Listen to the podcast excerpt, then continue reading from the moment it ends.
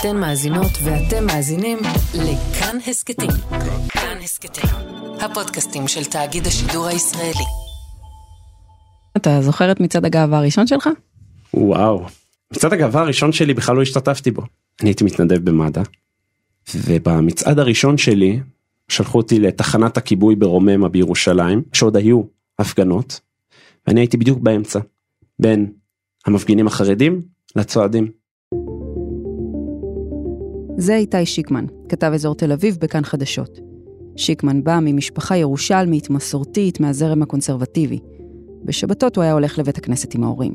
במצעד הגאווה הראשון שבו הוא השתתף, הוא לא חשב שיש לו יותר מדי במה להתגאות. הרגשתי באיזשהו מקום קרוע. עוד הייתי נער בארון, הרגשתי קרוע כי מצד אחד ידעתי מה אני מרגיש, מצד שני אמרתי, בשביל מה צריך את זה? בשביל מה חרדים מפגינים נגד? בשביל מה הלהט"בים צועדים? בשביל מה זה טוב? כמה שנים אחרי המצעד ההוא, שיקמן מתבגר, יוצא מהארון ומחליט לצעוד בראש מורם. צעדתי כשכמה חברים לצידי ואחי הגדול לצידי, ואח נוסף שלי, שהוא איש כוחות הביטחון, הבטח את האירוע הזה. כשחזרתי הביתה, אימא שלי דיברה עם סבתא שלי, זיכרונה לברכה, שגרה בקנדה, והיא אמרה לה, שלושת הבנים שלי היו היום במצעד הגאווה בירושלים, וזה היה אירוע מכונן.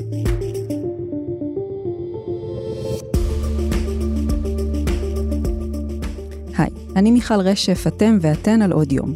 אחרי שנה של הפסקה בגלל נגיף קורונה, השבוע שוב יצעד מצעד הגאווה בתל אביב. אותו אירוע ענק שמשתתפים בו עשרות אלפים בכל שנה, יהיה האירוע ההמוני הגדול ביותר בארץ בשנה האחרונה. דגלי גאווה יתנוססו ברחבי העיר, וכנראה שגם הדיון הפוליטי על זכויות לחברי הקהילה יצוף שוב מחדש. אבל מצעד הגאווה בתל אביב הוא לא דבר מובן מאליו, והוא בטח לא תמיד נראה ככה. צללנו לארכיון כדי להיזכר מאיפה הכל התחיל ואיך הגענו עד הלום.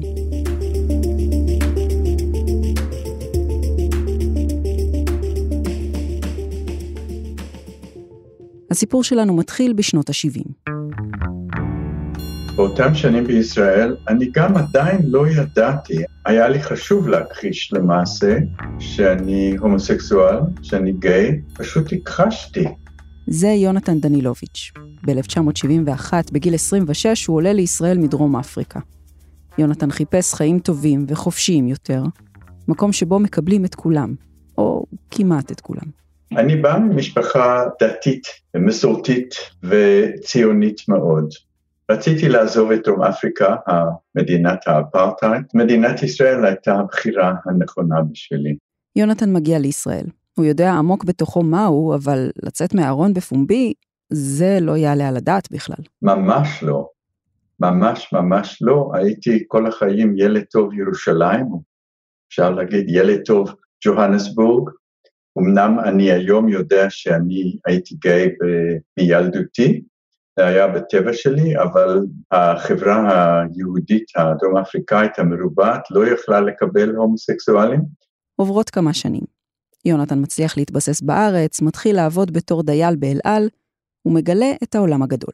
והגעתי לארצות הברית ולניו יורק במיוחד, ושם הכרתי אנשים לגמרי נורמליים, במרכאות כפולות, שהיו הומוסקסואלים, ואמרתי, וואו, זה יכול להיות שגם אני. והתחלתי את היציאה מהארון. יונתן מספר למשפחה את האמת, הוא מתחיל להיות פעיל גם בזירה החברתית ללהט"בית. באמצע שנות ה-70 הוא אפילו מתמנה ליושב ראש האגודה לזכויות הפרט, היום האגודה לזכויות הלהט"ב. ב-1979 הוא מנסה לארגן כנס בינלאומי של נציגי קהילות גאות יהודיות מכל העולם, ממש פה בישראל. אלא שהכנס הזה נתקל בכמה מכשולים בירוקרטיים, או לפחות זה היה התירוץ הרשמי. החברים באגודה מחליטים לצאת למאבק, והמאבק הזה קורה ברחוב. אז יש שם קבוצה דווקא לא גדולה מדי, כצפוי, כמה עשרות, אה, והאנשים האלה מתכנסים שם. אנחנו פה כי אנחנו הם נעמים ונעמוד, ונעמוד. אנשים עם שלטים והם אה, קוראים אנחנו נעימים ונעמות, אה, ביטוי שלא שומעים היום. ההומוסקסואלים בישראל מתארגנים כדי להיאבק על זכויותיהם. אתמול קיימו מסיבת עיתונאים לקראת הפגנה שהם עומדים לקיים, והביאו לפני העיתונאים את מטרות המאבק. בין השאר אמרו, לסבית תיקרא מעתה נעמה, הומוסקסואל ייקרא מעכשיו נעים. זה ניסיון אה, ככה להגיד אנחנו אנשים נעימים בסך הכל שמבקשים את הזכויות שלנו הם לא התקבלו ככה בעין יפה קראו להם בכל מיני ביטויים מאוד מאוד נעימים שאנחנו לא נחזור עליהם פה. אני זוכר עימות עם הרבה אה, אנשים שעמדו מסביב וצעקו תועבה ובושה ואיך אפשר. בשביל מה הם באים מאמריקה לעשות דברים כאלו, לקלקל ילדים? זה יפה? זה, זה בושה מה שהם עושים. אני זוכר שהייתי צריך להתקשר לאחותי ולהגיד לה שכנראה באותו לילה ייתכן מאוד שתהיה כתבה על המצעד, כי המצלמות היו, ואמרתי לה, אם את רוצה, את יכולה להרחיק את הילדים, כי אני לא רציתי שהם יראו את הדוד שלהם מצועד. והיא אמרה לי שלא, היא מעדיפה שהם יראו, והם באמת יראו והתפעלו ושאלו מה עושה הדוד יונתן במצעד הזה, והיא הייתה צריכה להסביר להם. וזו הפך להיות המצעד הגאווה הראשון של אה, ישראל.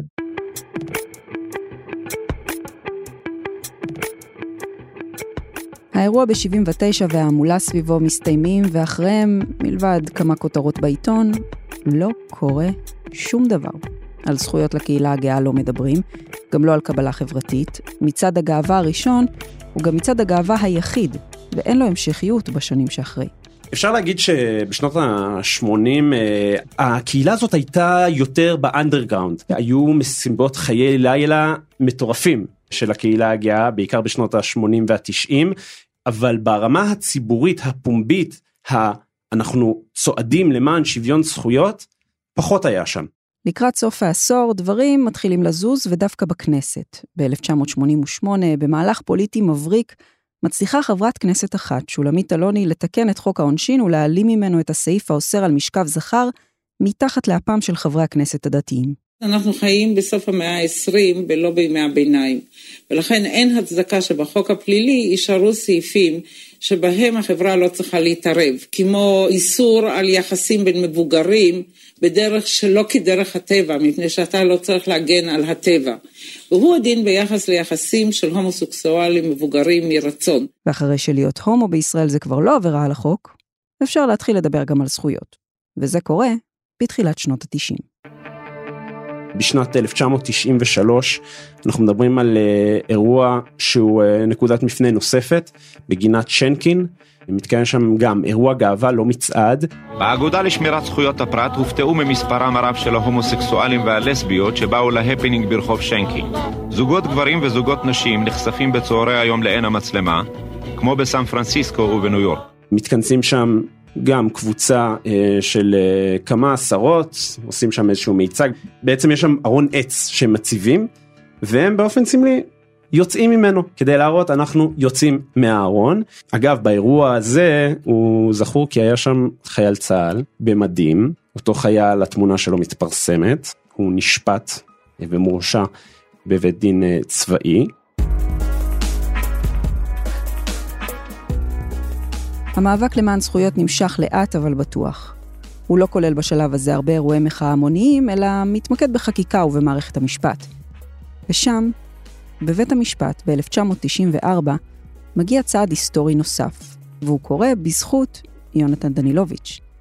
יונתן, נזכיר, היה דייל באל על ולא היה מוכן להשלים עם העובדה שבן הזוג שלו באותם ימים לא מקבל את ההטבות שהחברה נתנה לבנות הזוג של הדיילים האחרים. הוא מחליט לתבוע, הוא מגיע עד בג"ץ. החלטה תקדימית חשובה היום בבג"ץ בנושא ההומוסקסואלים. בג"ץ דחה את עתירת אל על וחייב אותה להכיר בבן זוגו של דייל כמי שזכאי לקבל כרטיס טיסה חינם. משמע גם בן זוג שהוא בן מינו של עובד החברה זכאי לכל ההטבות שמקבלים בני הזוג. זה לקח שש שנים, אבל ב-30 בנובמבר 1994 בג"ץ פוסק לטובת יונתן ובן זוגו בעוד אבן דרך היסטורית במאבק הגאה. את הבשורה יונתן מקבל בהודו. וקיבלתי את התשובה, את הטלפון מבן הזוג שלי, ושמחנו וקראנו, וצעקתי ובכיתי, ואחר כך התחילו טלפונים מכל כלי התקשורת בארץ, הייתה שמחה גדולה. למחרת החלפנו את הצוות וחזרנו באותו מטוס, והביאו גם עיתונים מהארץ כדי שנוכל לחלק אותם, ואני עברתי במעבר כדייל רגיל, חילקתי עיתונים שעל העמוד הראשון היה תמונה שלי. היה קטע מאוד מאוד מתוק. הבשורה שהביא עמו בג"ץ דנילוביץ' הייתה אדירה. המאבק הלהט"בי תפס עכשיו כותרות בעיתונים, וגם בטלוויזיה של אותן שנים רצו להשתתף בחגיגה.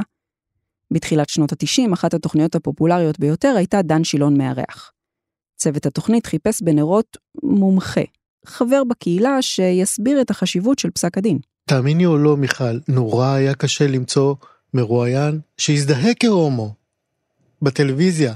זה איציק יושע, עורך ומגיש התוכנית חלון גאווה בכאן תרבות. ובמעגל של דן אה, חיפשו וחיפשו וחיפשו, אה, ואני עבדתי שם קצת כתחקירן מעת לעת, אה, הכרתי גם אנשים בהפקה, ואז טלפנו אליי ואמרו, תשמע, אנחנו מחפשים נואשות, ואתה מתחת לאף שלנו, אולי תבוא. בשידור חי, דן שילון מארח.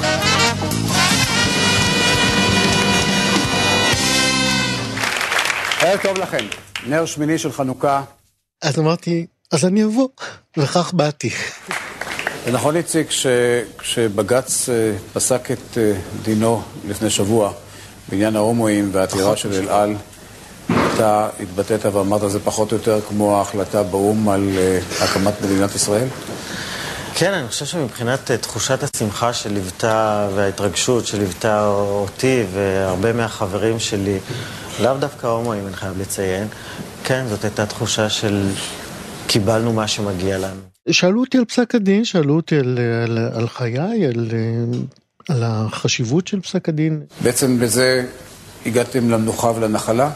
או לא, זה רק התחלת הדרך, זה הדלת הראשונה המפוארת והמכובדת שנפתחה, אבל uh, הדרך עוד ארוכה, יש uh, הרבה מה לעשות. יש פעם לפני שנה בערך uh, הערת לי שראיינתי... כל הסודות. ראיינתי איזושהי אימא, שאלתי אותה מה גרוע בעינייך יותר, אם בנך יבוא ויגיד שהוא חזר בתשובה, או שהוא אמר לך שהוא הומו. וקודם כל אני מתנצל אם פגעתי בך או במישהו מההומואים, אבל לאותה אימא, אולי, היא יכולה לחשוב שמדובר אולי במחלה או, ב, או בצרה. אתה מבין את הבעיה הזאת של אותה אימא? אה, בוודאי שאני מבין, אני רק אומר שהגיע הזמן ש... שלא נשאל שאלה כזו יותר. א', שלא נשאל שאלה כזאת, ואתה יודע, פסקי דין מהסוג הזה, ובכלל האווירה שהולכת ונרקמת כאן, היא הולכת ועושה את השאלה, השאלה מהסוג הזה לבלתי רלוונטית. אני בטוח שאתה לא תשאל את השאלה הזאת בעוד שנה. זה הדבר הכי מעניין שהיה באותו יום, באותה שעה. ליושע לא הייתה בעיה עם הזיהוי. ארון? ארון היה לו רק בשביל הבגדים. אני לא הייתי בפנים דקה כמעט. אבל באמת, מרגע שהתוודעתי לעצמיותי ומהותי, אני חושב שלקח לי בערך איזה שבוע או שבועיים כדי לספר לכל העולם ולהיות עם זה בחוץ. בשנות ה-90 יושע כבר פעיל למען זכויות הקהילה. אקטיביסט זו מילה גדולה לשנים ההם. 1993 אנחנו כבר חלק מקבוצה מאוד קטנה אבל נחושה של פעילים אה, הומואים ולסביות וטרנסים שמנסים אה, לקדם את ענייני הקהילה על אש קטנה מאוד, מאוד מאוד קטנה משום שתל אביב וישראל בכללה הם אה, מקומות אה, מאוד לא גיי פרנדלי, אה, מאוד הומופוביים, מאוד שמרניים. תל אביב כמובן יחסית תמיד הובילה באיזושהי רוח של פתיחות וקבלה, אבל עדיין לא הייתה בוודאי לא מה שהיא היום. ב-1995 עוד אירוע להט"בי נכנס ללוח השנה, בהמשך גם הוא יהפוך לאירוע מחאה. אירוע הוויקסטוק הראשון. Good evening תל אביב. להתחיל את חגיגה של חיים.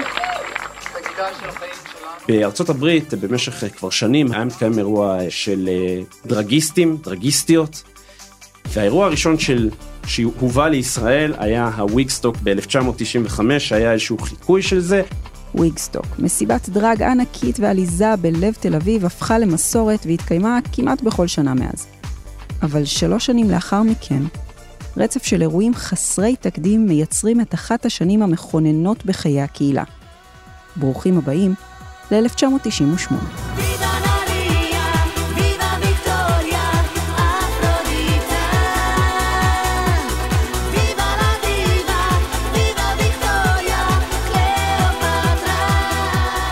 הרצף הזה מתחיל באישה אחת עם הרבה מאוד נוצות, ושמה דנה אינטרנשיונל, שזוכה באירוויזיון.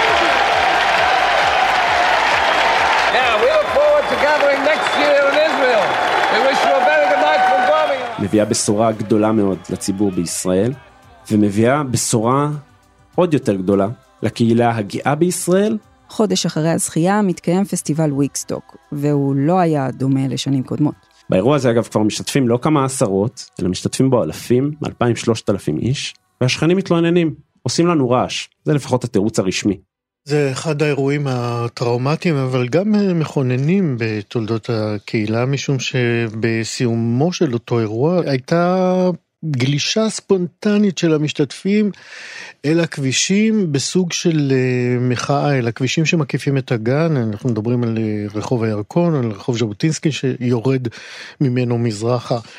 ואז נוצרה אותה התנגשות עם המשטרה על כל המשמעויות הקשות של הדבר הזה. זה אומר שוטרים הגיעו עטויים בכפפות ללמדכם על הרתיעה ועל ההומופוביה הקשה שסימנה את כל ההומואים כמפיצי מחלות, כמגפת האיידס הייתה אז בשיאה. חלק מהחברים נעצרו. זאת אחת הפעמים הראשונות, אולי אפילו הראשונה, שבה הייתה תחושה או הייתה נראות או הייתה התרחשות שהיה בה משהו קהילתי והיה בה זעם. היה בפעם הראשונה איזה סוג של כעס שבא לידי ביטוי של קבוצה של אנשים שמרגישה מודרת, שמופלית, שנרדפת. אני חושב שזה, היותו של האירוע הזה מכונן היא באמת בראשוניות שלו. באותה שנה, הזעם על וויגסטוק והשמחה על דנה מתנקזים לאירוע אחד, מצעד הגאווה. הדגש על המצעד הראשון בתולדות מדינת ישראל. בתל אביב נערך היום מצעד הגאווה הראשון בישראל של ההומואים והלסביות.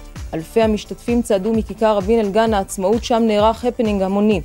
המצעד נערך לרגל שבוע הגאווה, הצועדים קראו לשוויון זכויות מלא ולסובלנות. הוא יוצא שם מכיכר מלכי ישראל, וזה מצעד הגאווה הרשמי הראשון, המצעד שאנחנו מכירים עד היום. אנחנו מדברים על האירוע הראשון שעיריית תל אביב בעצם מפיקה בפעם הראשונה. בשלב הזה העירייה עוזרת בארגון האירוע, קצת במימון, אבל לא לוקחת עליו בעלות. לראות דגלים, את דגלי הגאווה בפעם הראשונה נתלים בחוצות עיר בישראל, בתל אביב, ועל חשבון העירייה, זה היה אין לי מילים חוץ מאשר אה, חזון אחרית הימים. אני זוכר שקמנו בחמש בבוקר כדי לחזות במראה הזה של פועלי העירייה נתלים על עמודים אה, לאורך אה, רחוב אה, אבן גבירול, ותולים את הדגל שלנו, שלי, מה שאיש לא העז לעשות קודם. זאת באמת אחת מנקודות המפנה המשמעותיות אה, בתולדות הקהילה. אותה שנה דרמטית לקהילה הייתה דרמטית לא פחות גם לרון חולדאי. בחודש מאי 98, חולדאי היה בעיצומו של קמפיין לראשות העיר, וכמה חודשים אחר כך גם ניצח בו, ועד כה לא עזב את הכיסא. אבל אמירה אחת לגבי הומואים רדפה אותו אולי אפילו עד היום. כשהיה מנהל גימנסיה הרצליה ב-95, ובמסגרת התמודדות בפריימריז של מפלגת העבודה, חולדאי אמר, שני הומואים מתנשקים מגעילים אותי כמו ג'וקים. אני אספר לך אנקדוטה, אני עבדתי אז בכל ישראל, ובאחד הערבים ראיתי אותו יוצא מאחד האולפנים אחרי שהוא התראיין, הוא היה בדרכו למכוניתו כנראה, קראתי לו ואמרתי לו, רק שתדע לך שהחברים שלי ואני לעולם לא נצביע לך. והמשכתי ללכת לכיוון המכונית שלי, הוא לא ויתר, והוא קרא לי ורץ אחריי ואמר, אני מבקש לדבר איתך. נעצרתי, דיברתי איתו, הוא הסביר לי כמה כוונותיו אחרות לגמרי, כמה ההתבטאות הזאת הייתה טעות, והוא מאוד מבקש שניתן לו הזדמנות ונקשיב לו, והוא רוצה לבוא לדבר איתנו. איציק הסכים, כינס את הפרלמנט של החברים, והביא את חולדאי. דיברנו איתו, ואכן חלק מאיתנו אפילו הצטרפו לקמפיין הראשון שלו לראשות העירייה. הוא שכנע אתכם. לגמרי. רון חולדאי עשה כברת דרך ביחסים שלו עם הקהילה הגאה. על אותה אמירה הוא הספיק להתנצל לא מעט, ועם השנים הפך להיות ראש העיר הכי פרו-להט"בי בישראל, עם שלל תוכניות, תקציבים ואירועים לקידום הקהילה וזכויותיה בעיר. תל אביב הפכה לעיר בולטת על המפה הלהט"בית העולמית, לא מעט בזכותו. כן, תיירות גאה, התדמית של תל אביב כאי ליברלי ומתקדם במזרח התיכון, כל אלה גם שווים לא מעט כסף לעירייה. ובכל זאת, הוא הרוויח את מקומו בדפי ההיסטוריה.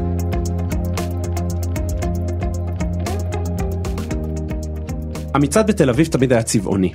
הוא מתחיל uh, מ-1998 ועד 2005 כאירוע שמארגן את האגודה למען הלהט"ב, מממנת, מנסה להראות לציבור, אנחנו כאן, והם מתחילים uh, לקיים מצעד בכל שנה עד שנת 2005, אנחנו מדברים על שבע שנים. כבר ב-2005 האגודה למען הלהט"ב מנסה לחפש תרומות בשביל הדבר הזה, לא ממש מצליחה, וב-2006, תדהמה, לא מתקיים מצעד מסיבות כלכליות, אין כסף. כל הרצון הטוב והתמיכה הציבורית לא עוזרים. המצעד לא מתקיים, הכותרת בעיתון טיים-אאוט באותה שנה זועקת, המצעד בוטל ועתידו מוטל בספק. המארגנים מחליטים לחסוך את ההוצאות, ופתאום צפים ועולים גם קולות שמתחילים לשאול אם בכלל כדאי לקיים את המצעד הזה. אם זה בכלל חשוב. אבל גם מהביטול הזה, הקהילה יצאה מחוזקת. שנה לאחר מכן, נכנס למועצת העיר נציג גאה ופעיל של הקהילה בשם איתי פנקס ארד, מוקם המרכז הגאה בעיר והעירייה מחליטה לקחת בעלות על האירוע ולממן אותו, לגמרי. וברגע שזה קורה, המצעד הופך מעוד אירוע בלוח השנה לאירוע של השנה.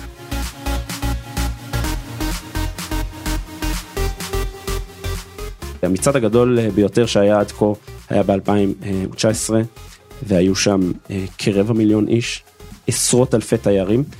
מצעד הגאווה בתל אביב שאנחנו מכירים היום, הוא מצעד הגאווה הגדול ביותר במזרח התיכון, אבל הוא גם מצעד הגאווה הגדול ביותר בכל יבשת אסיה. הוא אחד ממצעדי הגאווה המוכרים והמדוברים בעולם, תל אביב היא אחת מעשרת הערים הגאות בעולם. זה מצעד הגאווה בתל אביב. מאז המצעד הראשון בתל אביב ב-1998 הלכו והתפתחו עוד הרבה מצעדים נוספים בכל רחבי הארץ. היום יש מצעדים מדימונה ועד כרמיאל, מבאר שבע, דרך אשדוד ועד לוד. אבל מרחק של 70 קילומטרים מהמצעד השמח של תל אביב, נערך בכל שנה מצעד אחר וחשוב מאוד במאבק הפוליטי הגאה. המצעד בירושלים. המצעד בירושלים, 180 מעלות מהמצעד בתל אביב. מה ששם את המצעד בירושלים על המפה הם שני אירועים אלימים בהפרש של עשר שנים זה מזה, שהופכים את המצעד לפוליטי מאוד. איפה המחבל? איפה המחבל? איפה המחבל? בושה למשטרה! בשניהם רוצח בשם ישי שליסל, שבמצעד ב-2005 דוקר כמה משתתפים, שלמרבה המזל רק נפצעים, נשלח לכלא, ועשר שנים מאוחר יותר כשהוא משתחרר, ממש תוך שבועות, הוא מגיע למצעד בירושלים פעם נוספת, ורוצח את שירה בנקי זכרה לברכה ופוצע עוד כמה אנשים. שלום, יש פה פיגוע דקירה במצעד הגאווה בירושלים. כמה קורים יש שם? יש שם אחת, שתיים, אחת בכלל מתעוררת, שלוש. והמצעד הזה הופך לסמל של מחאה. במשך שנים מסוימות הוא גם צעד לכיוון הכנסת, והאירוע התקיים בכנסת כדי להביע את המחאה. הרצח של שירה בנקי הפך את המצעד בירושלים בשנים הבאות לאחד האירועים המשמעותיים והרגישים ביותר שיש בחודש הגאווה בכל שנה. ולאירוע הזה מגיעים מאז הרצח גם החוגגים והחוגגות מתל אביב. הם צועדים פעמיים בעצם, אם תרצו. מצד אחד בתל אביב, לחגוג את מה שהושג עד היום ולהגיד אנחנו כאן, ומצד שני בירושלים, אולי כדי להזכיר את מה שעוד צריך לעשות.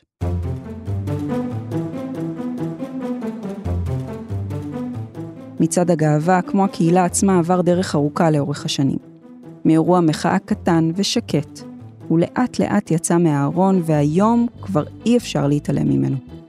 יוני הפך לחודש הגאווה, ובכל רחבי הארץ צועדים גאות וגאים חדשות וחדשים.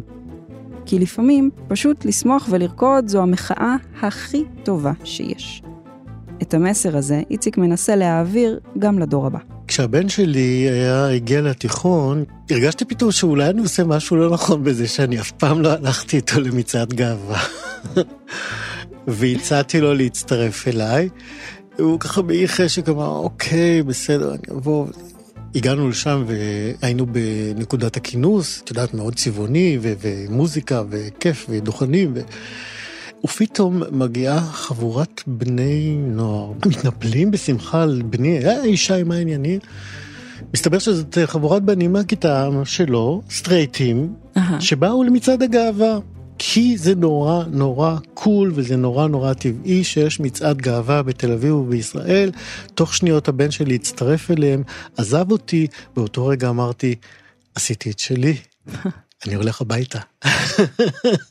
והלכתי הביתה.